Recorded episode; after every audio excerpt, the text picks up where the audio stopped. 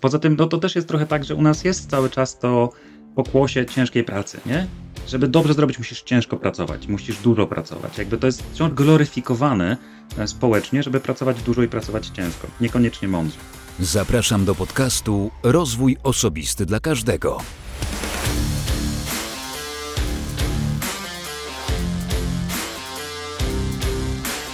Cześć. Ja nazywam się Wojtek Struzik, a ty słuchać będziesz 241 odcinka podcastu Rozwój Osobisty dla Każdego, który nagrywam dla wszystkich zainteresowanych świadomym i efektywnym rozwojem osobistym.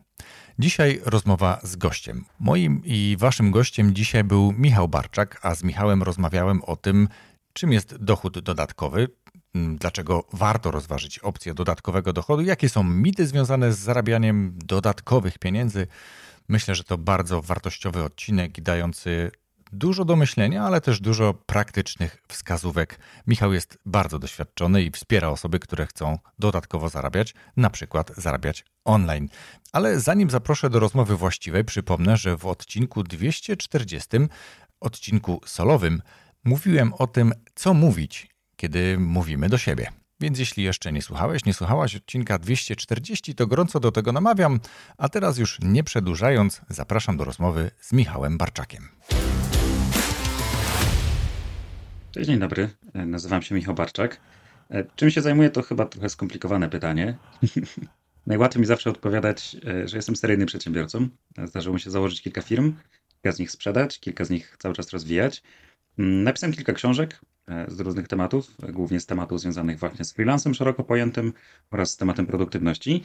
Na co dzień dzisiaj jestem właścicielem e, agencji marketingowej, butikowej agencji marketingowej Outspace, która robi reklamy dla sklepów internetowych głównie i właścicielem fundacji Geekwork, w ramach której edukujemy ludzi, jak znaleźć pracę zdalną. Świetnie. I a propos tego ostatniego tematu, Geek Work, będziemy e, rozmawiać, czyli będzie to trochę skonfrontowanie tego, o czym ja już mówiłem w kilku odcinkach podcastów i całkiem niedawno nagrałem również takie przypomnienie o tym, jak monetyzować można swoją wiedzę. A dzisiaj porozmawiam z Tobą, czyli z praktykiem, jak faktycznie wygląda kwestia dodatkowych zarobków, na przykład, kiedy, w jakim momencie e, można uznać, że ten e, dodatkowy zarobek może stać się zarobkiem głównym, jak przejść wtedy płynnie. Mhm. Ale zanim do tego przejdziemy, to ja tradycyjnie pytam swoich gości o to, z jakich narzędzi rozwojowych korzystają, co ich rozwija, co uważają, że ich rozwija i jakkolwiek ten rozwój osobisty rozumieją. No, jeżeli no, miałbym odpowiedzieć wprost, to chyba tak najprostszą rzeczą dla mnie, najlepszą inwestycją był zakup własnego Kindla. E, kolejnego zresztą z rzędu. Mm, jestem trochę maniakiem czytania książek. Po kilku kursach szybkiego czytania to jest równocześnie moim błogosławieństwem i przekleństwem, bo potrafię czytać bardzo szybko. Znaczy, że potrafię czytać bardzo szybko, kiedy coś chcę czytać wolno. Rzadko kiedy potrafię czytać wolno.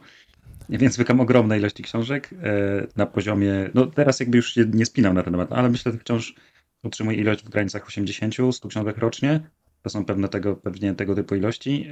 W tym roku i w zeszłym roku pozwalam sobie na bardzo dużo tematów totalnie niezwiązanych z rozwojem, z produktywnością, z efektywnością, z zarządzaniem i tak dalej i pozwalam sobie na bardzo dużo cieszenia się taką nawet bardzo niskopoziomową rozrywką w formie książek, e, które mają proste plot twisty jakby niewiele się po nim spodziewasz, ale bardzo, bardzo dobrze wpływają na moją głowę, bardzo dobrze mnie relaksują. Więc jeżeli chodzi o główne narzędzie rozwojowe, to zdecydowanie będą książki i to bardzo często z pogranicza e, moich bezpośrednich zainteresowań. To znaczy e, zdarza mi się kupować regularnie książki czy e-booki, które nie dotykają tematów, które mnie interesują na ten moment, mogłoby mi się wydawać, ale dzięki temu otwierają się jakieś klapki w głowie, które pozwalają łączyć ze sobą klocki, które są zupełnie, zupełnie ze sobą niepowiązane. I tak na przykład e, ostatnio researchuję bardzo mocno temat Sybiraków i tego, w jaki sposób Sybiracy lądowali na Syberii, dlaczego byli stamtąd zabierani. Akurat łączyć też z historią mojej rodziny, ale no jest to taki temat, który nagle otwiera mi mnóstwo klapek i który bardzo dużo pokazuje mi też, te, też kulturowo. Um, zdarzyło mi się czytać wiele książek związanych z, z, psychologią, co akurat jest jakimś tam tematem, który mnie interesuje, ale też z pogranicza takich rzeczy, które mnie interesują relatywnie średnio. Na przykład kwestia tego, jak, e, kim był pan doktor e, Asperger, dlaczego wynalazł takie rzeczy, a nie inne, na czym w ogóle polega e, kwestia struktury mózgu, tego, czym jest neuroplastyczność, jak ona sobie tam działa. To nie są rzeczy, które w jakikolwiek sposób przydają mi się dzisiaj bezpośrednio w mojej pracy, ale staram się tego typu książki czytać, bo właśnie dzięki temu czuję, że w mojej głowie pojawia się znacznie większy zasób kreatywności, w związku z czym mogę te, te rzeczy później w sposób taki praktyczny wykorzystywać i z nimi coś robić. To, o czym powiedziałeś, jest również bardzo bliskie mnie i ta neuroplastyczność, generalnie rzeczy związane z mózgiem, ale w kontekście e, takiego długiego i zdrowego życia, powiedzmy, tak? mhm. tak? Czyli jakby e, troski o to, co będzie za 30 lat, a nie efektów na za tydzień, bo biohacking powiedzmy już trochę bliżej jest tym szybkim efektom, a mnie chodzi o takie długofalowe. Coś, z czym myślę, że jako ludzie mamy coraz większy problem, czyli jakby danie sobie szansy na odroczenie korzyści z działań, które podejmujemy dzisiaj. Mhm. Coś, co um, media społecznościowe, e, konsumpcjonizm, parę innych rzeczy po prostu powoduje, że się absolutnie od tego oddalamy. No i mamy później efekty w postaci, nie wiem, e, dużej otyłości, dużej, chorób, dużej ilości chorób, chorób autoimmunologicznych, wielu innych rzeczy. Ale to zupełnie temat, myślę, na, na inny odcinek. E, cieszę się, że podałeś te narzędzia, cieszę się, że, że tak to działa. Chciałem cię zapytać, czy mierzyłeś tą szybkość swojego czytania, ile to jest słów, znaków, słów, bo to się liczy w słowach na minutę, tak kiedyś testowałem to i, i, i, wypadało to u mnie fatalnie. Na pewno testowałem, ale już szczerze powiedziawszy tego, tego zupełnie nie pamiętam. Z czasów szkolnych, to było nie było już y, dobre 10-15 lat temu, no to kiedy klasa czytała jakimś, jakiś fragment tekstu, to jest zazwyczaj zdążyłem go czytać 4-5 razy co najmniej, nie? I jakby gdzieś tam na poziomie zrozumienia 95%, czyli takim powiedzmy naprawdę wysokim.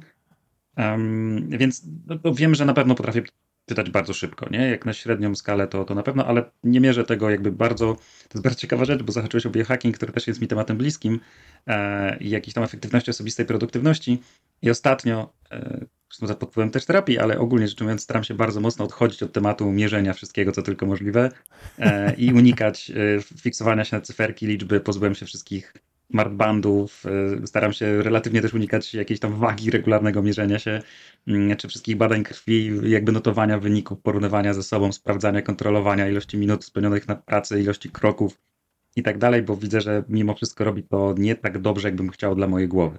Ale to temat, tak jak mhm. mówisz, zupełnie, zupełnie z innego, z innego tematu. Ale skoro już poruszyłeś, to faktycznie jesteśmy po dwóch różnych, na razie póki co, e, krawędziach tego rozwoju i to mi się też bardzo podoba, bo to pokazuje potencjalnie też kierunek, w którym być może kiedyś będę podążał. Dzisiaj jeszcze bardzo mocno przesiąknięty jestem takimi zwyczajami korporacyjnymi, czyli mierzeniem. Nawet w Pojane miałem nie mierzysz, nie zarządzasz, więc to mhm. faktycznie gdzieś mocno we mnie rezynuje i ja dużo rzeczy mierzę.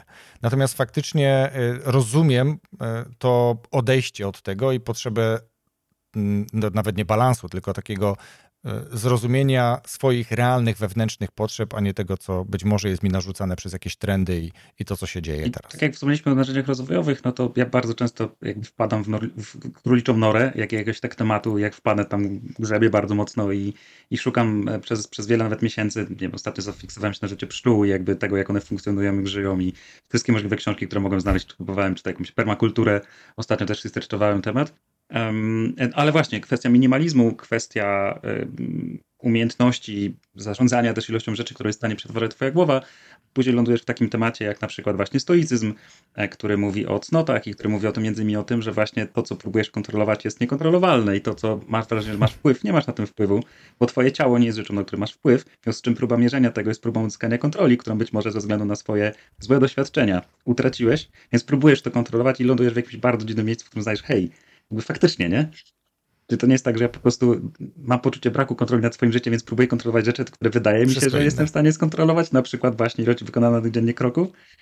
I wtedy się zaczyna ta cała pętla związana z funkcjonowaniem, ze zdrowiem psychicznym, z odpuszczaniem, z overthinkingiem i umiejętnością relaksacji zamiast fiksacji na liczbach.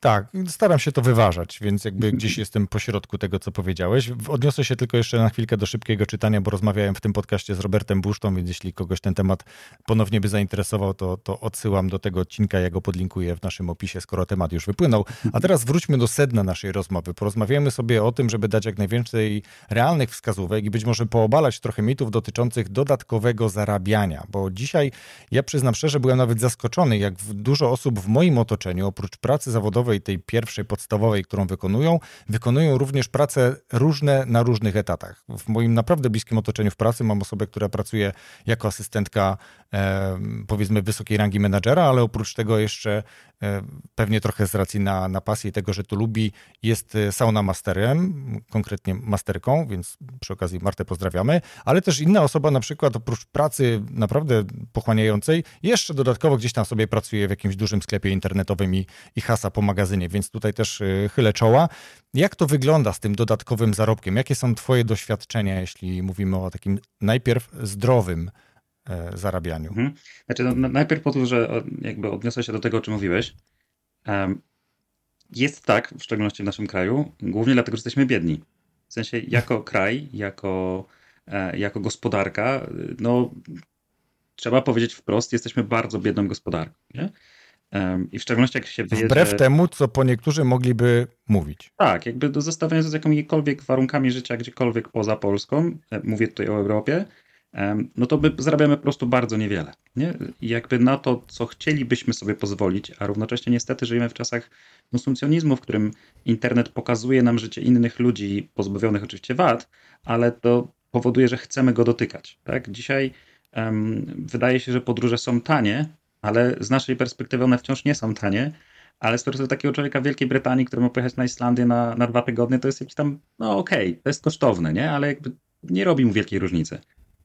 Natomiast czy pojedzie, czy, czy pojedzie na Islandię, czy pojedzie do Grecji, nie? Jakby z jego perspektywy to po prostu wakacje i przestaje liczyć pieniądze w momencie, kiedy, kiedy przekracza bramkę mm, lotniczą, nie?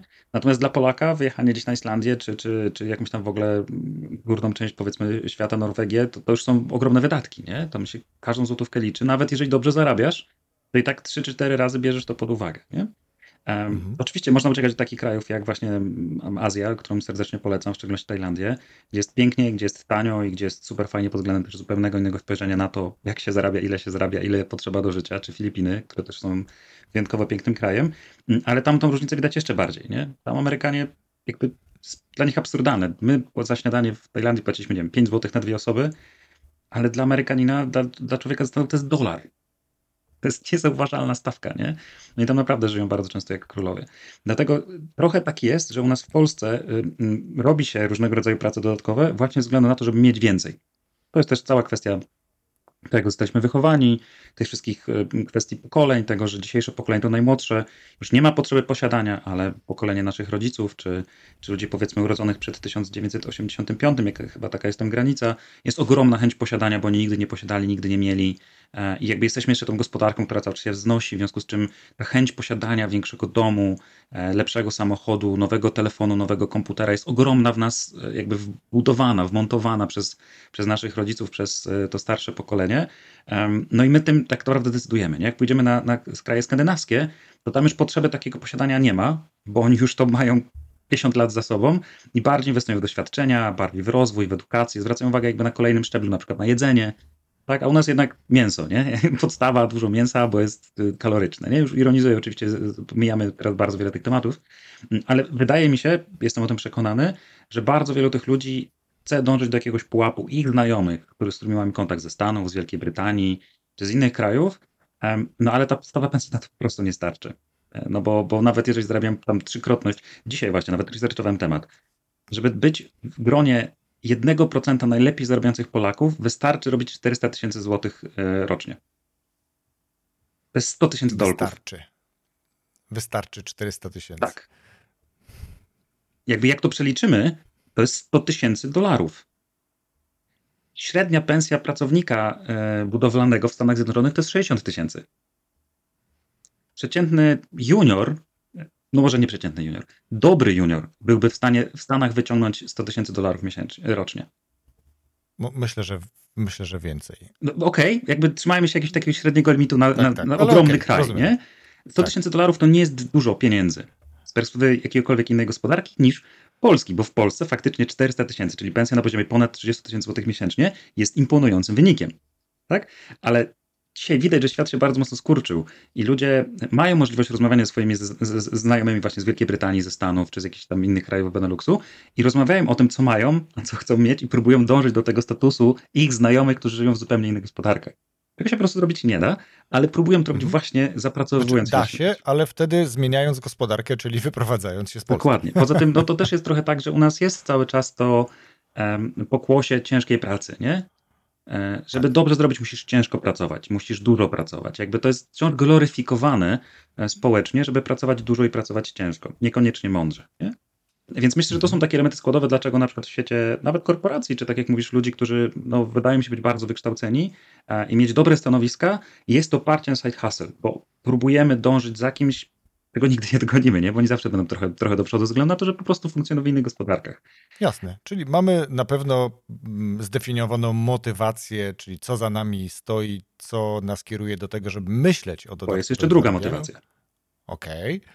Po drugiej stronie skali e, takie mam poczucie coraz większe, badając sobie te rzeczy, że zanika naturalnie klasa średnia. Ludzie, którzy po prostu pracują i są zadowoleni z tego, co mają. Po drugiej stronie granicy mamy mnóstwo ludzi, dla których 300 zł miesięcznie robi gigantyczną rewolucję.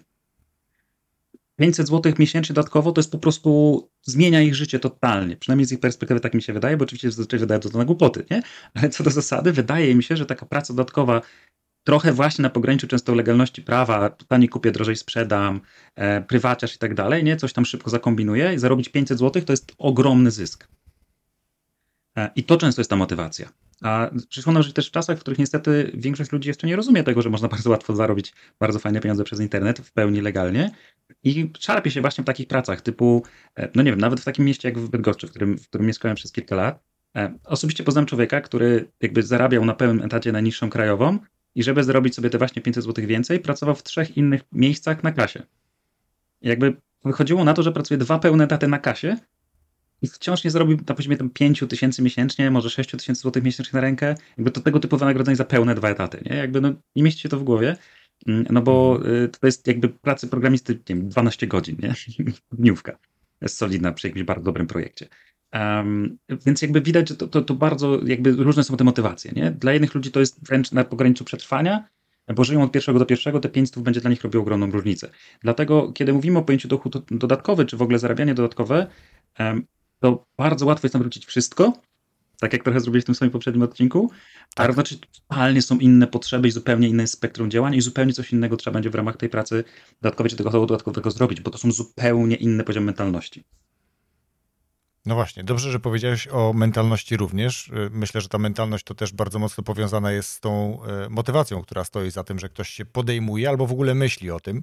I myślę, że to, co my możemy dzisiaj dać, to właśnie realne wskazówki dla różnych motywacji także, nie? No bo albo możemy skupić się wokół jednego jakiegoś konkretnego powodu, ale myślę, że, że z racji na to, że to mogą być różne potrzeby. Ty powiedziałeś o, o gościu, który pracował po swojej pracy na etacie jeszcze gdzieś tam na kasach, a i tak nie uzyskiwał z drugiego etatu tyle, co ten drugi etat potencjalnie mógłby dać, bo mm. tak, to, tak to matematycznie szybko zrozumiałem. Mm, równie dobrze mógłby po prostu y, co mogłoby być chyba bardziej efektywne, zmienić pracę na lepiej płatną, prawda? I, e, i wyszedłby na tym lepiej i zdrowiej e, z czasem. Więc e, może skupmy się na tym, żeby najpierw zacząć od tego, jakie. Mm, nie jakie pobudki, jakie mamy możliwości dzisiaj. Ty dużo też mówisz na swoim kanale Geekwork. Ja akurat przewijałem go dość dużo na TikToku akurat. Hmm. Bardzo mądry algorytm, który podpowiada później to, co przez chwilę, się, przez chwilę się oglądało. I tam dużo takich ciekawych rzeczy było. Jakbyśmy dzisiaj spróbowali to skomasować właśnie i dać taką, taki wkłady dla tych osób, które myślą na razie, albo już być może podejmują jakieś działania, ale chcieliby to robić bardziej efektywnie i nie po to, żeby mieć dodatkowe 300 zł, tylko realnie być może zastanowić się za jakiś czas, czy to nie jest kierunek, w którym w ogóle powinni pójść. Hmm. Więc jakby przygotowując się naszej rozmowy, sobie zrobiłem taki trochę research tych swoich tematów i, i jak przez te tematy przeskakiwałem i próbowałem to ustrukturyzować. Niestety będę musiał posługiwać się e, angielskimi zwrotami, bo nie mamy dobrych odpowiedników w Polsce, przynajmniej takie mam wrażenie. Więc ja bym to podzielił na takie podstawowe trzy główne kategorie. Na dochód dodatkowy, rozumiano je, jako pojedynczy strzał, czyli coś, co po prostu w krótkim terminie daje mi dodatkowe pieniądze. Zaraz wyjaśnię, co tam dokładnie można zrobić. Zupełnie inną rzeczą będzie side hustle, czyli poboczny biznes. Też zaraz do tego wrócę. I rzecz trzecia to taki pet project, czyli przynajmniej w mojej nomenklaturze w świecie startupowym często jest to taki projekt dodatkowy, który wynika raczej z ekscytacji. No więc tak po kolei. Dochód dodatkowy, czyli jeżeli ktoś potrzebuje po prostu dodatkowych pieniędzy i faktycznie ma tą bardzo niską motywację, w zasadzie 300 wy, robi mi życie, um, czy pozwoli, nie wiem, zapłacić ratę kredytu, którą mam już niespłaconą przez wiele miesięcy, to będzie na przykład praca tajemniczego klienta. To jest prosta, dorywcza robota, która zdarza się okazjonalnie, która wymaga pójścia do, nie wiem, sieci Orange, Play, T-Mobile, czy tam jakiejkolwiek innej placówki internetowej, UPC czy czegokolwiek i po prostu zbadać standard pracy. W Castoramie tego typu badania się robi. Wszędzie tak naprawdę, gdzie jest duża sieć skali, y, y, tego typu badania się po prostu wykonuje. Jest jakiś scenariusz założony, trzeba przyjść, powiedzieć i, i jakby sprawdzić taki scenariusz, jak on działa.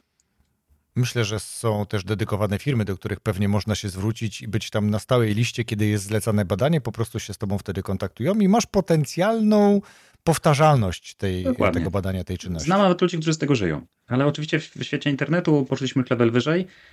No tutaj case study y, na, na, na, prawdziwym przypadku. Jak żabka ma skontrolować, w sensie jak na przykład załóżmy, że jesteś Coca-Colą, który mówił się z żabką na deala, że teraz Coca-Cola Zero ma stać przy każdej kasie. Nie? No sprawdź teraz wszystkie żabki w Polsce, nie tak 12-15 tysięcy. Jak miałem wysłać jednego człowieka, to on był przez kilka tygodni w trasie, ta promocja zdążyła się skończyć. Więc powstało masa aplikacji, bodaj ona się chyba jedna z takich nazywała Take a Task, e, w którym po prostu masz w telefonie aplikację, która w momencie, kiedy jesteś w jakimś konkretnym sklepie, daje ci informację typu sprawdź, czy ten stand tutaj stoi, sprawdź, czy na półce są wystawione tego typu produkty, podchodzisz, robisz zdjęcie, dostajesz voucher na 10 czy 15 zł. Jakby to jest tego typu praca dodatkowa. I to często są takie rzeczy, które właśnie pomagają usprawnić swoją pracę dodatkową, taką codzienną, codzienne funkcjonowanie, jakiś dodatkowy dochód. Te wszystkie promocje e, typu już, już, już skoro jesteśmy przy żabce, żabsone, tego typu historie, nie? To jest jakiś pomysł na dodatkowy dochód, bo to powoduje, tak, że kupujesz jest. coś taniej. Kupowanie na określonej stacji benzynowej i jakby wiara w to, że, że oni dzięki temu cię wynagrodzą i dadzą ci coś za darmo. Wszystkie programy, mm, idąc dalej, jakieś takie połączeniowe ze sobą mają sens. E, takim dochodem dodatkowym, fajnym jednorazowym strzałem może być korzystanie z promocji bankowych. E, sam swojego czasu, kiedy, kiedy e, no, potrzebowałem takiej dodatkowej kasy, to byłem w stanie jakieś 600 zł miesięcznie z tego wyciągać, tylko dlatego, że przesuwałem środki pomiędzy poszczególnymi kontami. Dzisiaj oczywiście jest troszeczkę trudniej, warunki promocji są troszeczkę bardziej skomplikowane, bo banki też się wycwaniły, ale nadal idzie z tego funkcjonować jako fajny dodatkowy dochód właśnie miesięczny. Dla kogoś takiego, dla kogo właśnie te 100 zł robi różnicę, no to po zało założeniu na siebie i na, i na mamę, i na teścia, i na wujka dodatkowych kilka kont bankowych powoduje, że właśnie taki zastrzyk dostajesz. I na to też daje się złapać bardzo wielu ludzi na to, że to jest właśnie to piękne side hustle i w ogóle te wszystkie trudne teraz pojęcia, które moglibyśmy tutaj wrzucić i ogromne pieniądze dodatkowe. Zazwyczaj tak nie jest, ale znowu, dla tych osób na takim niskim poziomie te 200 zł robi naprawdę wrażenie, dlatego łatwo się oni mogą nas złapać. Praca na Uberze może też być tego typu przykładem, nie? Mam swoją pracę, ok, później wsiadam na Uber Eatsa, czy wsiadam na, e, do, do swojego samochodu na Uberze i dojeżdżam sobie kilka godzin w weekendy, w soboty, e, odwożę ludzi z imprez i mam wtedy dochód dodatkowy, nie? Więc mamy taki pierwszy segment pracy, który no, w bardzo niewielu przypadkach, trochę o tym wspomniałeś, ten niczy klient, który staje się na pewnej liście płac y, cenionym człowiekiem, który naprawdę dobrze robi te badania, może mieć z tego dodatkowe zlecenia w sposób stały, ale raczej w niewielu przypadkach... Ale zawsze dodatkowy. Tak, ale, ale raczej zawsze no dodatkowy. No właśnie, raczej bardzo rzadko kiedy stanie się to do główny dochód. Tak, tak. To są strzały. Nie na zasadzie masz promocje bankowe, ok, 200. Bardziej mi chodziło o to, że nie musi za każdym razem zabiegać o nowe tak. badanie, tylko po prostu będzie odpytywany, czy dysponuje czasem, żeby mhm. wziąć udział w kolejnym badaniu. Bo, bo, ja znam kilka osób, które z tego żyją, nie? które są Super. tajemniczymi klientami na full time, jeżdżą po całym kraju, dokonują do, dosyć zaawansowanych, dużych audytów i jakby cieszą się z tego, nawet mają jakieś tam zlecenia poza Polską, da się z tego wyżyć, nie? Na koniec dnia. Um, ale co do zasady, raczej to są właśnie takie jednorazowe, fajne pomysły. I tych, tych rzeczy, które moglibyśmy tutaj wymienić, włożyć do tego dochodu dodatkowego, moglibyśmy naprawdę włożyć 10. To, to już pół żartem, pół serio, taniej kupię drożej, sprzedam, też się tu klasyfikuje, nie? Kupię na. Vinted, sprzedam na Elixie drożej, nie? Sprzed, no, pomijamy tu na chwilę kwestię podatków i legalności, tego typu rzeczy, które ostatnio się bardzo dobrze mm, zawężają, ale co do zasady, to będzie właśnie taki dochód dodatkowy. I wielu ludzi na tym poziomie się zatrzymuje. E, głównie dlatego, że tak jak wspomniałeś, często nie ma tego mentalu, tego poczucia, że można coś więcej. Bardzo ładnie powiedział Artur Jabłoński, właśnie w ostatnim podcaście sobie go, go oglądałem, jak on zaczynał swoją ścieżkę zawodową, to nigdy nie myślał o tym, żeby zostać przedsiębiorcą, bo szczytem jego marzeń było stać menedżerem. E, przedsiębiorca był tam daleko, daleko, daleko. Dopiero z czasem zaczął nabywać tej perspektywy. Właśnie dlatego między innymi e, napisałem tą książkę, która gdzieś tu się może pojawić, od zera do freelancera. To była taka moja pierwsza książka, którą napisałem w tej sprawie. Właśnie po to, żeby dać ludziom taki trochę zmianę mentalu, w sensie, że jakby nie musisz robić afiliacji bankowej i nie wiem, inwestować na Forexie, bitcoiny czy cokolwiek innego, co teraz jest w trendzie, MLM-y, tak? MLM-y są fajnym dodatkowym dochodem. Jakby to jest dokładnie ten case, nie? To jest dokładnie ten case. To jest sposób sprzedaży, dystrybucji produktów, który możesz sobie sprzedając swoim ciociom i wujkom e, zarobić kilkaset dodatkowych złotych w miesiącu czy w roku, e, właśnie na tym, że e, jesteś dystrybutorem jakichś konkretnych produktów, nie? Ale okazuje się, że myślę, jest... że tutaj mhm. Myślę, że tutaj fajnie powiedzieć, że MLM kojarzy nam się często z tymi fajnymi zdjęciami z tropików, no, z Mercedesów i tym, tych samochodów, natomiast to są pojedyncze przypadki i to jeszcze za duży, duży koszt za tym stoi, że te osoby naprawdę wiele naście godzin dziennie niejednokrotnie poświęcały po to, żeby dojść do jakiegoś poziomu menadżera w tym MLM-ie. Jestem ultra haterem MLM-ów, generalnie rzecz ujmując. Na swoim blogu przeprowadziłem kiedyś taką analizę, jaki obrót musisz generować, żeby firma łaskawie dała ci samochód w leasingu. Nie? I się okazało, że tak naprawdę, jeżeli będziesz w stanie stworzyć sieć, która sprzedaje za taki wolumen, to będziesz w stanie ty kupić sobie samochód za gotówkę. Jakby nie potrzebujesz niczej łaski w leasingu, ani kupować sobie wakacji od kogoś dostawać, bo będziesz w stanie spokojnie to kupić. Jeżeli ja bym miał takiego handlowca, e, to jakby obzłociłbym go cztery razy bardziej, nie? Jakby już pół żartem, na chwilę zmieniając jednak ten temat, natomiast znowu, MLM jest sposobem dystrybucji produktów zamiast kładzenia nacisku na marketing własny z wykorzystaniem dystrybutorów, którzy zarabiają prowizję. Niewielką prowizję stosunkowo, ale na tym poziomie jest to dochód dodatkowy. I dla tych wielu ludzi to jest naprawdę game changer. Ja to rozumiem. Jakby w sensie rób to. Jeżeli to cię satysfakcjonuje 300 zł miesięcznie robi ci różnicę, rób to. Natomiast to jakby nie, musicie, nie, nie musimy się na tym zatrzymywać, nie? Więc kolejne te dwa poziomy, które bym wymienił, to jest właśnie side hustle, który przeze mnie rozumiany jest to, o czym trochę wspomniałeś, ale jeszcze trochę level wyżej. Znaczy mam jakąś pracę podstawową i rozwijam coś dodatkowego poza godzinami pracy. I w szczególności w Stanach jest to bardzo mocno widoczne, ponieważ w ramach side hustle często są po prostu duże działalności dodatkowe, które jakby nie masz ryzyka, że one muszą ci wyjść. I tutaj niestety musimy. Bo masz włożyć... podstawowe źródło utrzymania. Dokładnie. Tak, I... do tego się zmierza. Tak, mhm. tak. I tutaj niestety musimy włożyć tego typu tematy, jak właśnie Amazon KDP, czyli produkowanie jakichś tam kolorowanek. Musimy tutaj niestety włożyć, nie wiem, rękodzieło, niestety musimy włożyć jakieś tam Amazon Merch. Te wszystkie rzeczy, które dzisiaj się bardzo dobrze sprzedają jako kolenia, jako kursy, czy właśnie własne produkty cyfrowe, czy w większości przypadków to tak nie zadziała. Mhm. Bo w większości przypadków to są e, złudzenia, marzenia, E, I to trochę dokładnie tak jak dochód pasywny w MLM-ie. W sensie, gdyby tak było, że wszyscy zarabiają miliony na Amazon KDP, to mielibyśmy mnóstwo milionerów, a z jakiegoś powodu ich nie mamy. Nie? Więc to może... Mnie się też bardzo podoba, co Marcin mhm. Niewódź, sorry, że ci tak prze, prze, przerywam, e, ale mnie się bardzo podoba i, i, jestem bliski temu, co właśnie Marcin Niewódź mówił, czy jakby dochód pasywny nie istnieje mhm. jako taki. Nie? Zawsze jest nakład pracy, który trzeba z, w związku z tym... Każdy dochód wymaga pracy i opieki, nie? E, mhm. I teraz oczywiście, dlatego mówię, że w tym wątku niestety one się pojawiają, bo tak to się pojawia w Stanach Zjednoczonych, kiedy szukamy tutoriali na ten temat. Side hustle będzie kojarzony właśnie z tym, że coś próbujesz rozwijać. Natomiast dla mnie side hustle jest raczej działalnością dodatkową do moich usług. I znowu dzisiaj akurat słuchałem tego podcastu z Arturem um, Jabłońskim, który o tym opowiadał, że jakby kiedy pracował na etacie, no to się okazało, że klientów dodatkowych, bo nie miał lojalki, których mógł obsługiwać, miał za, jak zarabiał X, to klientów dodatkowych miał na 4 czy 5X. I się okazało, że ta jego działalność dodatkowa, usługowa cały czas, jako freelancera, daje mu znacznie więcej dochodu niż etat, a on wciąż nie potrafi się uwolnić z etatu, bo miał poczucie, że etat jest bezpieczniejszy niż te jego zlecenia, nie? Wtedy kolega mu powiedział, że ma po prostu robić wypad i, i się zająć tymi, e, tymi To, to myślę, że ten odcinek e, Artura również podlinkuje polecam, w tego odcinka podcastu, bo to bardzo zbieżne z naszym, z naszym dzisiejszym tak, tematem. Tak, tak, tam się sporo takich ciekawych myśli pojawiało. Więc z mojej perspektywy side hustle to jest po prostu rozwijanie jakiejś działalności poza działalnością główną. Ona może być ze sobą spójna, nawet bardzo często na tym poziomie, to jest etap, kiedy jesteś copywriterem w agencji, agencji i zaczynasz świadczyć usługi copywriterskie też na zewnątrz. Tak? Nawet dla swojej własnej firmy często przychodzisz na B2B i nagle poszerzać się portfolio. Możesz robić nie tylko dla jednej agencji, ale dwóch agencji. Nie? I więc to jest jakby taka praca, która jest e, pracą połączona. Albo obsługujesz jakiegoś klienta, twoja firma robi reklamy, ale potrzebuje też copywritera, więc skoro nie masz lojalki, twój szef jest tym ok, dogadujesz się, że będziesz dla tego klienta prywatnie świadczył usługi copywritingowej, sobie to e, spokojnie rozwijasz. Trochę też to może być rękodzieło, nie? Ktoś ma jakąś straszną zajawkę, dłubie sobie w skórze, czy tam, nie wiem, w jakiejś glinie, więc sobie sprzedaje te produkty właśnie jako marka e, poboczna i często właśnie w tym przypadku, w takim side hustle, jest tak, że ta działalność dodatkowa z czasem zaczyna przynosić dwa albo trzy razy tyle, ile działalność podstawowa i mówisz, ok, to mi się to nie opłaca. Nie opłaca mi siedzieć teraz na etacie, będę rozwijał dalej swoją działalność. Wielu ludzi się tego boli, ale to jest podejście, które jest mi bardzo bliskie. Bardzo wielu ludzi uczę. Pracujesz dzisiaj, niestety bardzo sporo przynajmniej takich maili. Pracujesz na, na, na Amazonie w magazynie w Holandii? OK, zacznij sobie pracować jako copywriter, na przykład grafik, social manager, cokolwiek tam potrafisz w swoich umiejętnościach, w swoich skillach. Popróbuj sobie tego godzinę, dwie dodatkowo y, w tygodniu, czy nawet jeden dzień w tygodniu. Prawdopodobnie będziesz w stanie po kilku miesiącach powiedzieć, OK, to jest już połowa mojej, mo, mojego etatu, dogadać się ze swoim szefem, że, dogadać się ze swoim szefem, że będziesz pracował 4 dni w tygodniu.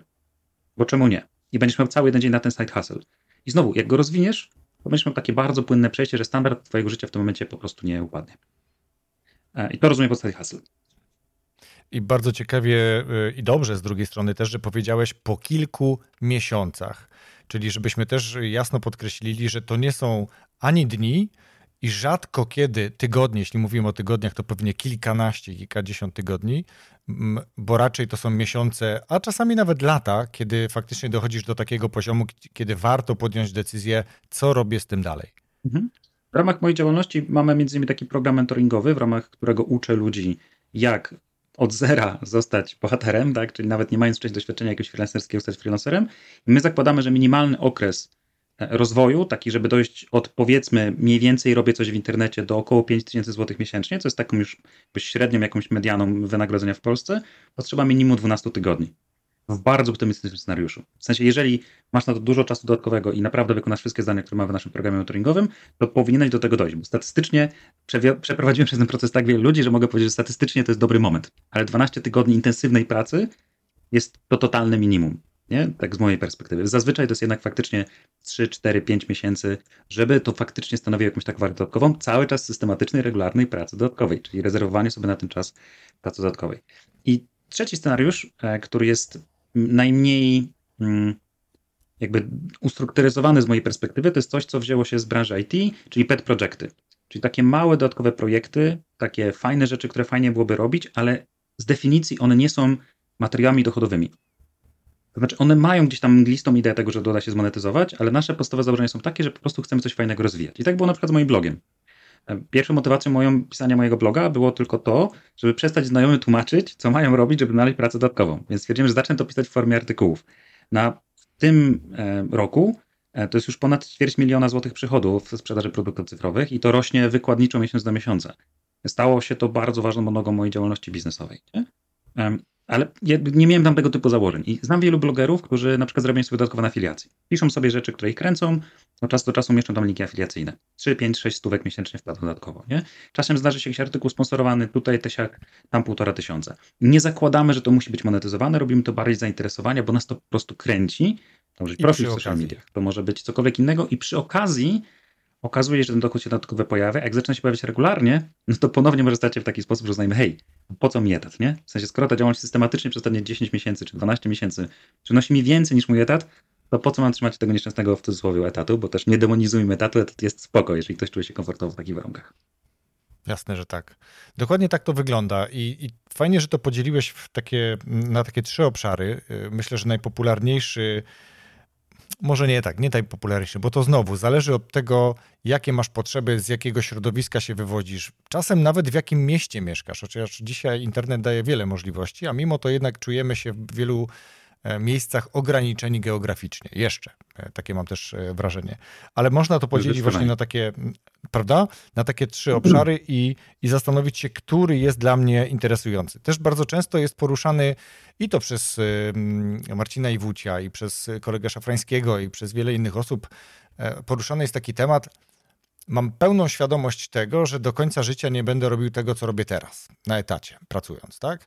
Więc już dzisiaj zaczynam myśleć o tym, co potencjalnie innego mógłbym robić, czyli zaczynam określać sobie jakiś szczyt na horyzoncie, do którego staram się dążyć. I to jest już takie bardzo świadome działanie. I teraz podejmuję ten ktoś różne działania, tak? Czyli na przykład, nie wiem, e, Michał Szafrański e, pisał też bloga, dużo było linków afiliacyjnych, z tego było dużo pieniędzy, e, ciekawe, wartościowe książki. Ty mówisz o tym, że Artur Jabłoński mówił, że zarabiał 3-4 razy już z tego swojego z tej swojej działalności e, influencerskiej niż pracował na etacie, a mimo to blokowało go coś z odejścia z tego etatu. Według ciebie, jaki poziom tych dodatkowych przychodów jest już takim poziomem, kiedy warto powiedzieć sobie, poświęć 100% czasu na tą działalność dodatkową, ona stanie się wtedy już tą główną działalnością, a wtedy zrobisz z tego razy dwa lub coś w tym rodzaju. Jaki to jest poziom? No. Masz coś takiego oszacowane? Z mojej perspektywy jest to bardzo trudne, ponieważ e, no, miałem okazję pracować z Marcinem Iwuciem przez, przez kilka ładnych miesięcy, chyba przez dwa lata. E, więc jakby bardzo jest to dla mnie też człowiek, który daje bardzo dużo takiej merytorycznej, merytorycznego mhm. wkładu i wiedzy. Więc no, z mojej perspektywy nie da się odpowiedzieć na zadane pytanie, no bo to zależy. Inaczej będziesz miał tak jak ja, kiedy dzisiaj mieszkam sobie w małym domu w Borach Tucholskich, gdzie moje koszty życia są na poziomie, nie wiem, może 2000 zł, bo to są rachunki do zapłaty i kupienie jedzenia. Nie mam żadnych więcej innych zobowiązań finansowych. Nie mam dzieci, ich nie planuję, e, więc nie będę musiał wyprawić później dzieci na studia i nie zapewnić im godziwego życia, nie? Żyję sobie w małym domku, przy bardzo małych kosztach życia. Stopy procentowe ciebie nie interesują, nie masz kredytów hipotecznych, praktycznie nie dotknęła nie obchodzi, cię inflacja nie? praktycznie. Tak, więc moje koszty życia w tym momencie są na tyle niewielkie, że tak naprawdę mógłbym sobie no, bardzo wiele rzeczy odpuścić. Nie? I tak jest. W sensie między innymi ograniczam teraz y, czas pracy do, do, do 4 dni, a za chwileczkę do 3 dni w tygodniu e, i staram się dużo więcej jakby kłaść na, na jakieś tam tematy y, związane z kreatywnością, z edukacją i tak dalej, a zupełnie ograniczać kwestie typowo biznesowe, bo mogę. E, ale no zupełnie inna, sytuacja i inna kwota będzie w przypadku osoby, która, nie wiem, mieszka w Warszawie, ma dwójkę dzieci. E, a w dodatku żona nie pracuje, nie? Whatever. W sensie jakby no, to jest tak wiele zmiennych, których nie da się jednoznacznie przeprowadzić, więc nie ma takiej odpowiedzi na to pytanie, bo to bardzo jest powiązane z tym, jakie masz porządki w swoich finansach osobistych. No ja też jestem trochę flikiem pod tym kątem, czyli trzymania budżetu domowego, policzenia jakby poduszki finansowej, funduszu bezpieczeństwa, jakby jakichś po, polokowywanych w różne miejsca e, przychodów, jakieś nieruchomość. Jakby staram się o to bardzo o tym myśleć, żeby mieć to bardzo dobrze policzone. I dopiero w tym momencie tak naprawdę można do tego usiąść i powiedzieć, ok, no to teraz mam to bezpieczne przejście. Nie? Ale równocześnie to jest trochę tak jak znowu z kwestią inwestycji. E, każdy ma indywidualny stosunek do ryzyka. E, I są ludzie, którzy wezmą całe pieniądze swojego życia, wszystkie swoje oszczędności, wrócą to na giełdę i jakby i, ich to ok dla mnie strata 100 zł na giełdzie bolała mnie przez kilka tygodni, nie? Jakby poziom stresu, który mi wtedy podskoczył, był dla mnie bardzo duży, mimo że wiedziałem, że te pieniądze totalnie jakby nie muszą, nie wpływają na jakość mojego życia, nie? Więc znowu, szacunek do ryzyka, e, czy, czy stosunek do ryzyka i tego, w jaki sposób jesteś w stanie ponieść takie ryzyko i na ile masz dobrze policzone, jakie masz doświadczenie, jaki masz background, jaką masz osobowość, jakby to, co, to, co bardzo często powtarza się teraz w moich programach mentoringowych, to jest właśnie dostosowywanie rodzaju pracy jako freelancer do typu osobowości, procesu sprzedaży i sprzedaży swoich usług dodatkowych, freelancerskich, dostosowanych do danej osobowości. I oczywiście tu możemy rozmawiać o testach Galupa, możemy mówić o testach osobowościowych, o tych wszystkich innych podstawowych rzeczach. Narzędzia są mniej istotne, jak sama kwestia świadomości. No bo co z tego, że ktoś będzie copywriterem, będzie zarabiał tam 5-6 tysięcy złotych miesięcznie dodatkowo, a na etacie 4, skoro to będzie go straszliwie męczyć i będzie się tym zajeżdżał. I co z tego, że on rzuci etat, jak bardzo szybko znienawidzi freelance, nie? bo to będzie bardzo mocno golało. Ja dokładnie miałem tego doświadczenia, co prawda wiele lat temu, e, właściwie no, wchodząc w dorosłość, e, pracowałem sobie jako fotograf. I fotografia była moją wielką pasją. Ja potrafiłem wstawać wiesz, o czwartej rano e, ze schodzącym słońcem, łazić na łąkę i robić zdjęcia kropelką rosy i, i turbo się tym ekscytować. Więc stwierdziłem, że naturalną strategią rozwoju będzie pójście w kierunku fotografii. Zacząłem się rozwijać w tą stronę, pokończyłem sobie kurs, zacząłem pozyskiwać klientów na zlecenia nie, pamię- nie, nie zapomnę tego uczucia, kiedy siedziałem kiedyś wieczorem obrabiając zdjęcia wyjątkowo niemiłej pani e, młodej, która w dodatku też była bardzo nie pasująca w mojej estetyce, jakby nie bardzo nie pasująca w moim stylu i poprawiałem po prostu rysy jej twarzy i, i jakby, no mówiąc wprost, retusowałem jej, jej pryszcze na twarzy, którąś godzinę z rzędu e, i poczułem taki, wiesz, bardzo ściśnięty żołądek, nie? Taki bardzo ściśnięty ból i stres, mówiący chłopie, to była twoja pasja kochałeś robić zdjęcia, a teraz te zdjęcia musisz robić. I, I, coś, co było przyjemne, stało się wręcz bardzo uciążliwe. Nie? Więc nie da się odpowiedzieć na twoje pytanie na zasadzie ile, bo to zależy. Nie? Zupełnie inne koszty ma ktoś mieszkający w małej miejscowości, zupełnie inne potrzeby ma cyfrowy nomada, który głównie zarabia po to, żeby podróżować, a jeszcze zupełnie inaczej ma ktoś, kto ma dzieci, ma zobowiązania albo ma kredyty jakieś, tak jak mówisz, rosnące, e, rosnąca inflacja bardzo go przytłacza, nie? I wtedy lepiej będzie najpierw skupić się na rozbudowaniu poduszki finansowej, bezpieczeństwa i dopiero w bardzo długiej perspektywie myśleć sobie o bezpiecznym przejściu na, na własną działalność, a zupełnie inaczej będzie chłopak lat 20, który mieszka w domu rodziców, nie ma żadnych kosztów stałych i jest w stanie poświęcić 100% swojego czasu i dla niego 2000 zł to już będzie oznaczało wolność i, i przez miesiąc imprezowanie, nie? Uważam, że to jest bardzo indywidualna sprawa. Dla każdego tą strategię trzeba dobrać bardzo indywidualnie. Znowu dlatego wracam do tego twojego poprzedniego odcinka, wrzucanie własnych produktów cyfrowych i zarabianie na wiedzy, co jest moim zdaniem pewnym poziomem bardzo wysokim, żeby potrafić wyprodukować swoje własne produkty cyfrowe, jeszcze je zmonetyzować i trzeba na to bardzo czasu, dużo kompetencji, wiedzy, jak to zrobić. Z na przykład pracą tajemniczego klienta to jest jakby, to są wiesz, zupełnie inne spektrum pracy dodatkowej, nie? Mm. Ja tylko dodam od siebie, że zrobienie produktu, kiedy masz już pewien poziom ekspercki, tu mm, trochę ukłonię się w swoim kierunku, mhm. bo zrobiłem kurs, rozmawialiśmy chwilę o nim. Mhm. Tych kursów też już trochę jest, ale dla mnie na przykład zrobienie kursu raz, że było bardzo ciekawą przygodą, włożyłem mhm. tam kupę czasu i serducha, ale nie mam już tego czasu i serducha do tego, żeby to sprzedawać. I to jest, i to jest myślę też y, istotne dla osób, które o tym myślą, bo są zauroczone trochę reklamami o tym, jak można 40 tysięcy, 100 tysięcy miesięcznie wyciągać, bo, bo są takie e, reklamy w internecie, e, widzę je. Natomiast to jest trochę e, kategoria ułudy, bo takich osób jest garść w Polsce, które osiągają takie rezultaty. Ja się też nie do końca zgodzę. Znaczy garść, to ja nie mówię, że garść, czyli mhm. pięć, tak jak tutaj na rękach, mhm. ale w stosunku do tych wszystkich, którzy próbują, to ich jest zdecydowanie bardzo mała część. Nie? Czyli możesz popróbować, ale kiedy poczujesz, być może trochę jak ja, być może jeszcze nie jest to ten moment, to po prostu możesz próbować wielu innych rzeczy. Ja tylko jeszcze powiem, że dobrze, że, że w sumie powiedziałeś, że nie tyle to zależy, ale zrób to w zgodzie ze sobą, ze swoimi potrzebami, ze swoim obecnym stanem, ze swoim obecnym, nie wiem, majątkiem, który też możesz w prosty sposób sobie wyliczyć i wtedy możesz sobie zrobić to w formie planu, w formie jakiegoś celu, tak, do czego dążysz, co możesz robić, ale też eksperymentuj, bo może się okazać, że tak jak twoja fotografia, to twoja dzisiejsza pasja, jeżeli ktoś przekonał cię tym, żebyś robił to, co kochasz, a nie będziesz nigdy pracował, bo takie hasła też znamy z mhm. wielu książek, to się może okazać dokładnie tak jak u ciebie, że twoja pasja zamieni się w twoją kulę nogi.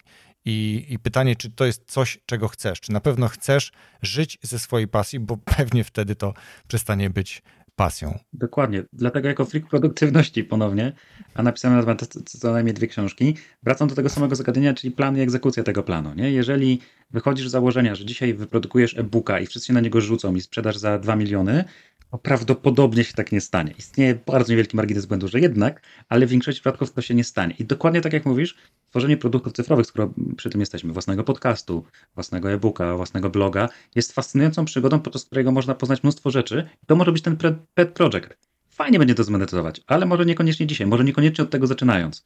Bo na takie reklamy, o których mówisz, łapią się w większości osoby, które po prostu coś tam na swojej wiedzy zarabiają, na przykład są konsultantami i wydaje mi się, że jak teraz nagrają na YouTubie w formie dwugodzinnych materiałów, to wszyscy to kupią.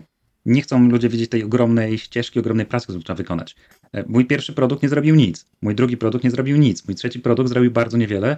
Mój kolejny produkt zaczął dopiero cokolwiek zarabiać, ale ja cały czas nie miałem wokół tego tematu spiny, bo to wciąż, mimo że dzisiaj, tak jak mówię, ćwierć miliona w tym roku, po 50-70 tysięcy złotych miesięcznie mamy przychodu z, ze sprzedaży moich produktów cyfrowych, to to nie jest wciąż moja główna odnoga biznesowa. To od tego moje życie tam nie zależy, więc ja mogę się tam bawić, eksperymentować.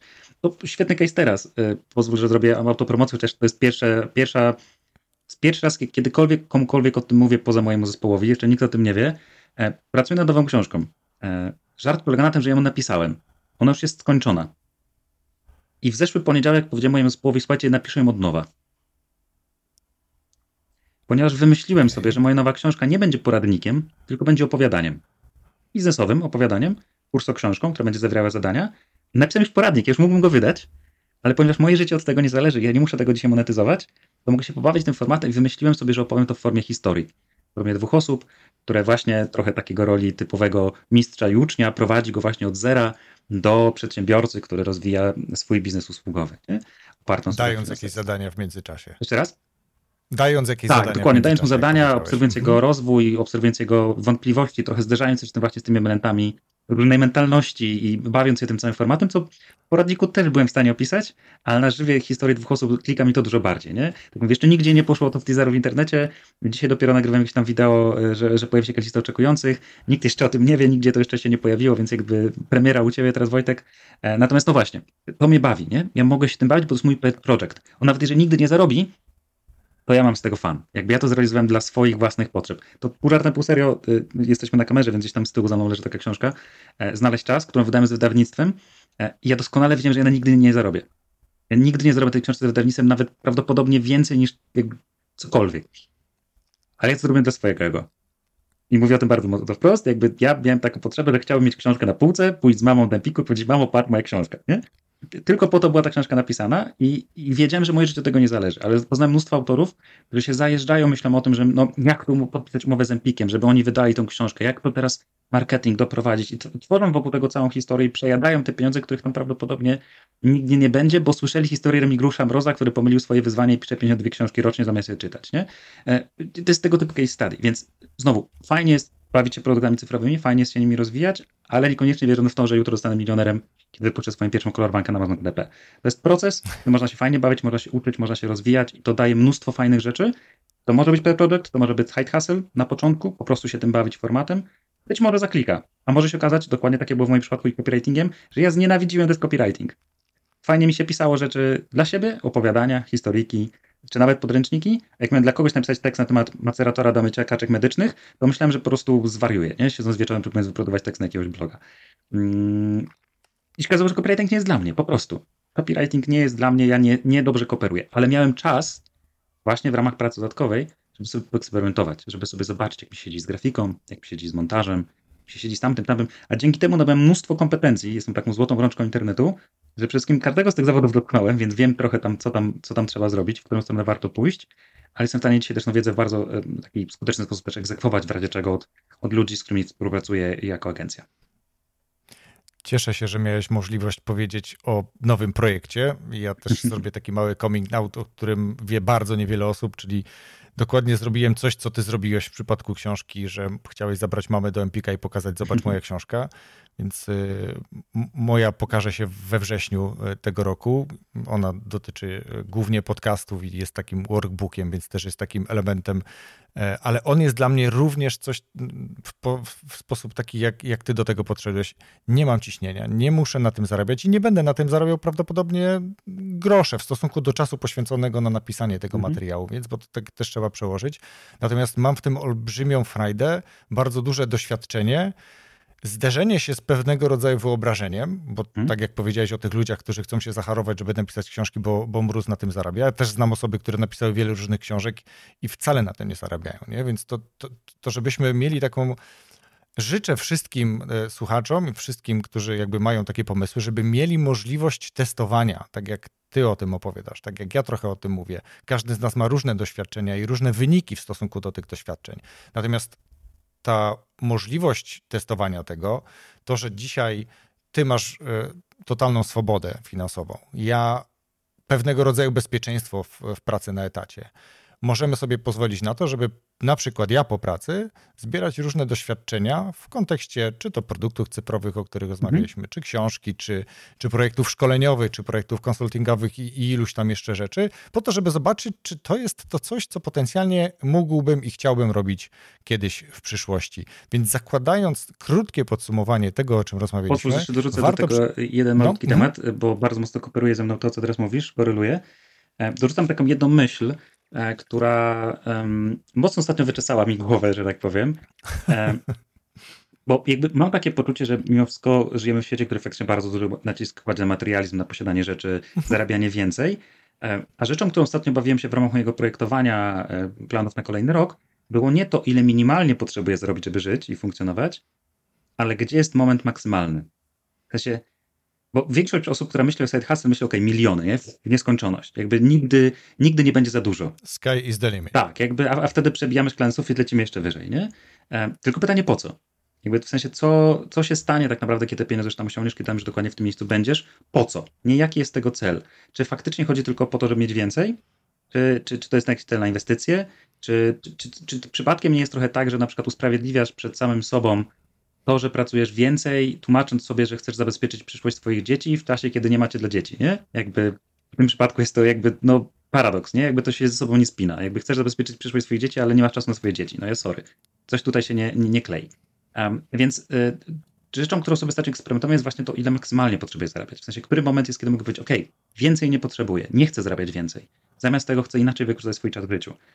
I to jest świetne, świetny eksperyment, świetne ćwiczenie, również pod kątem tego side hustle, żeby na początku, nim zacznę myśleć o zarabianiu więcej, zadanie sobie pytania, dlaczego? Dlaczego chcę zarabiać więcej? Po co mi zarabianie więcej? Co ja tak naprawdę z tymi pieniędzmi będę robił? To jest trochę tak, że chcę, jak w tym klasycznym przykładzie, tak jeździć tak, jeździć samochodem, na którym mnie nie stać, tak? Wiesz o co mi chodzi, w sensie, że jakby tak, tak, wszystko jest tak naprawdę... pokazać ludziom, na których mi nie zależy, że coś tam coś. Tak, tak, tak. tak, tak. nie? Jakby zabawienie wiem, formatem... Wiem, co chciałeś powiedzieć. Chcę tak naprawdę udowodnić komuś innemu coś, nie? Czy ja tak, tak, naprawdę tego potrzebuję. Znowu wspomniany Michał Szafrański. Po co mi kupować Ferrari, skoro mogę go tak naprawdę, skoro ja chcę jeździć Ferrari i być widoczną osobą w Ferrari, to sobie pojedź na Rodos i sobie wypożyczyć na dwa tygodnie to Ferrari, nie? Zapłacisz ułamek tej kwoty, ale będziesz miał dokładnie te uczucia, o których ci chodzi i nawet ten wzrok tych ludzi, którzy będą tobie zazdrościli. Nie? Jeżeli tego oczywiście... I może się okazać, że to wcale nie jest taki fan, jak myślałeś. Totalnie nie jest fajne, nie? Jakby totalnie dokładnie. nie jest fajne. Wychodzisz z bólem kręgosłupa i nie możesz wyjść z samochodu pod restauracją i nigdzie nie możesz stanąć i, i boisz się o każdą możliwą rysą, którą zrobią ci we Włoszech, nie? Jakby, no oczywiście, że tak jest, nie? Ale no, chodzi o samą tą zabawę tym formatem, nie? Po co? Bo praca dodatkowa brzmi ekscytująco, pet projekty, side hustle czy dochód dodatkowy brzmi ekscytująco, tylko po co? Co to zmieni w moim życiu? Mhm. Świetnie, że to powiedziałeś, bo właśnie to też chciałem dodać do podsumowania, czyli przede wszystkim jaki jest mój cel tego dodatkowego zarobku, co ja chcę tym zbudować, czy chcę zbudować poduszkę bezpieczeństwa finansową, czy chcę mieć większą płynność finansową, czy chcę sprawdzić swoje kompetencje w danym obszarze, etc., etc. Tak jakby ten zestaw tych pytań, który, który, warto sobie, który warto sobie zadać, na pewno jest istotny. Natomiast mnie też przy okazji tego, co powiedziałeś, nasunęły się trzy takie wątki. Jedno to jest taka krótka anegdota o biznesmenie, który pouczał rybaka. To ja myślę, że podlinkuję. Klasyka. E, wiesz chyba o co chodzi. Podlinkuję do dopisu podcastu to opowiadanie w formie piosenki polskiego rapera. Bardzo ciekawa aranżacja. I dwie książki, mm, które ja bym dodała. Za chwilę ciebie zapytam o książki. A propos anegdoty, e, a znasz anegdotę e, o Ziemi? No, anegdotę o Ziemi. To jest bardzo podobne do tego rybaka, ale to w jednym zdaniu opowiem. Okay. Więc jest sobie człowiek, który dostaje komunikat, że dostanie tyle ziemi, ile będzie w stanie obyć w ciągu dnia. Więc wybiega rano, biegnie przez łąkę, biegnie przez pole, cały czas biegnie, ale mija południe, no i zauważa, że no musi przyspieszyć, jeżeli chce zrobić koło, więc przyspiesza jeszcze bardziej, biegnie jeszcze szybciej no i tuż przed zachodem słońca, wyczerpany, upada i umiera. Ludzie stojący nad jego, nad, nad, nad jego grobem stwierdzi, o, i tyle ziemi potrzebuje człowiek. Bolesne. tak bym powiedział.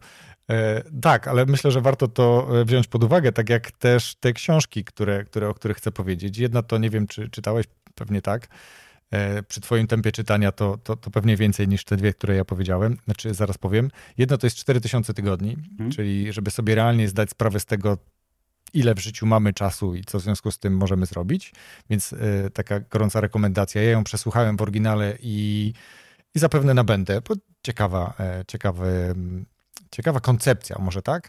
I, i, I, druga pozycja, bardzo zbliżona, a jednak trochę y, różniąca się od tej, bo mówiąca właśnie o pieniądzach. I, czyli takim podejściu trochę chyba bliższe to podejście, tak, może być bliższe tego, e, o czym ty mówiłeś.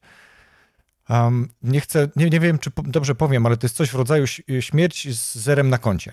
Mhm. Tak? Nie wiem, czy to, to jest dokładnie ten sam tytuł, czyli generalnie e, po co zarabiamy, po co pracujemy, tak? No, do, do, ziemi nie zabierzemy tego wszystkiego. Czasem nie mamy komu tego zostawić, a czasem nie chcemy tego wszystkiego komuś zostawiać w myśli tego, że ten, niech ten ktoś patrzy nasze dzieci, czy nasi partnerzy, niech to do tego dojdą sami. Więc to są takie książki, które w kontekście pieniędzy warto zrównoważyć z tymi wszystkimi innymi książkami, które mówią o tym, jak zarabiać, jak mieć więcej pieniędzy, a, a raczej bliżej temu, co ty powiedziałeś, czyli po co to możesz robić. I tutaj odbijam piłeczkę w Twoją stronę. Jakie książki albo jaką książkę Ty byś z kolei polecił słuchaczom podcastu? Jeżeli mówię o kategorii biznesowej, e, szeroko pojętej, no to jest właściwie jedna książka. Zacznijmy od tego. Chyba jest jedyna książka, do której wróciłem więcej niż kilka razy, a nawet w sumie wracam do niej e, w miarę regularnie co roku. To jest Ryan Holiday, Ego is your enemy, Ego to twój wróg. To jest książka, która bardzo mocno mnie trzepie i cały czas zwraca moją uwagę na to, no, zawsze coś tam znajdę ciekawego pod kątem biznesowego. Jakby miejsce, w którym teraz jestem, i tak zadaję sobie pytanie, czy przypadkiem ego znowu mi coś tutaj nie, nie namieszało. Um, więc to zdecydowanie jest taka pozycja, którą mógłbym bardzo mocno polecić. A poza rynkiem rozwojowym, biznesowym? Hmm, no oczywiście możemy poruszyć książki, książki religijne, ale chyba najbardziej poszedłbym w kierunku um, jednak science fiction na potrzeby twojego bloga. E, to wydaje mi się, że byłaby to na pewno wszystkie książki Link to, czyli chociażby mm, Problem Trzech Ciał, ale moja ulubiona książka science fiction, którą, którą kiedykolwiek czytałem, Um, ojej, teraz widzisz, potwierałeś mi wszystkie wątki wszystkich fajnych książek. Um, na pewno świetna książka to jest 7F, 7EW, 7F jak Ewa. E, bardzo, bardzo, bardzo dobre książki. Wypadło mi teraz z głowy nazwisko autora, ale moja ulubiona książka science fiction, którą, którą też czytałem więcej niż raz, to jest Stare jest piękne. To jest taka stara książka science fiction, która e, bardzo fajnie odwraca reguły, bardzo mocno otwiera dla mnie kreatywność. W sensie wymusza myślenie w zupełnie nieszablonowy sposób o, o rzeczywistości. Bardzo ciekawe i ostatnie pytanie. Już obiecuję, nie będę męczył. Z czym chciałbyś zostawić słuchaczy tego podcastu? Pytaniem dlaczego. Myślę, że to będzie takie ładne podsumowanie tego, czym rozmawialiśmy. E, pod kątem oczekiwań od życia, czy to, co, czego oczekuję od życia, jest tym, czego ja oczekuję od życia, czy tego, czym, od czego oczekują ode mnie inni ludzie? E, czy to, jakie mam swoje cele, nawet finansowe i zawodowe, są faktycznie moimi celami, czy są przypadkiem, nie są przypadkiem mi wdrukowane przez kogoś innego? E, I czy moje pragnienie posiadania pieniędzy dodatkowych, skoro mówimy o dochodzie dodatkowym, faktycznie wynika z realnych, mierzalnych potrzeb, czy raczej są, jest to próbą zakrycia jakichś innych na przykład e, kwestii związanych z poczuciem własnej wartości, że mam poczucie, że jak będę miał więcej, to będę więcej warty. Czy na pewno tak jest? Więc to pytanie, dlaczego coś robię? Takie bardzo stoickie. Super. To ja pięknie dziękuję Ci, Michał, za tę rozmowę. Dziękuję. Rozwój osobisty dla każdego.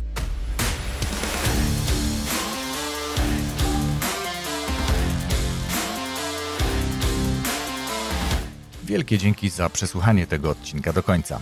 Wierzę, że to, o czym mówił Michał, o czym rozmawialiśmy wspólnie, dostarczyło Ci wiele praktycznych wskazówek, ale też wyjaśniło pewne kwestie związane z dodatkowym przychodem, zarabianiem dodatkowych pieniędzy, o których warto pomyśleć nawet w sytuacji, kiedy potencjalnie nie narzekasz na ich brak.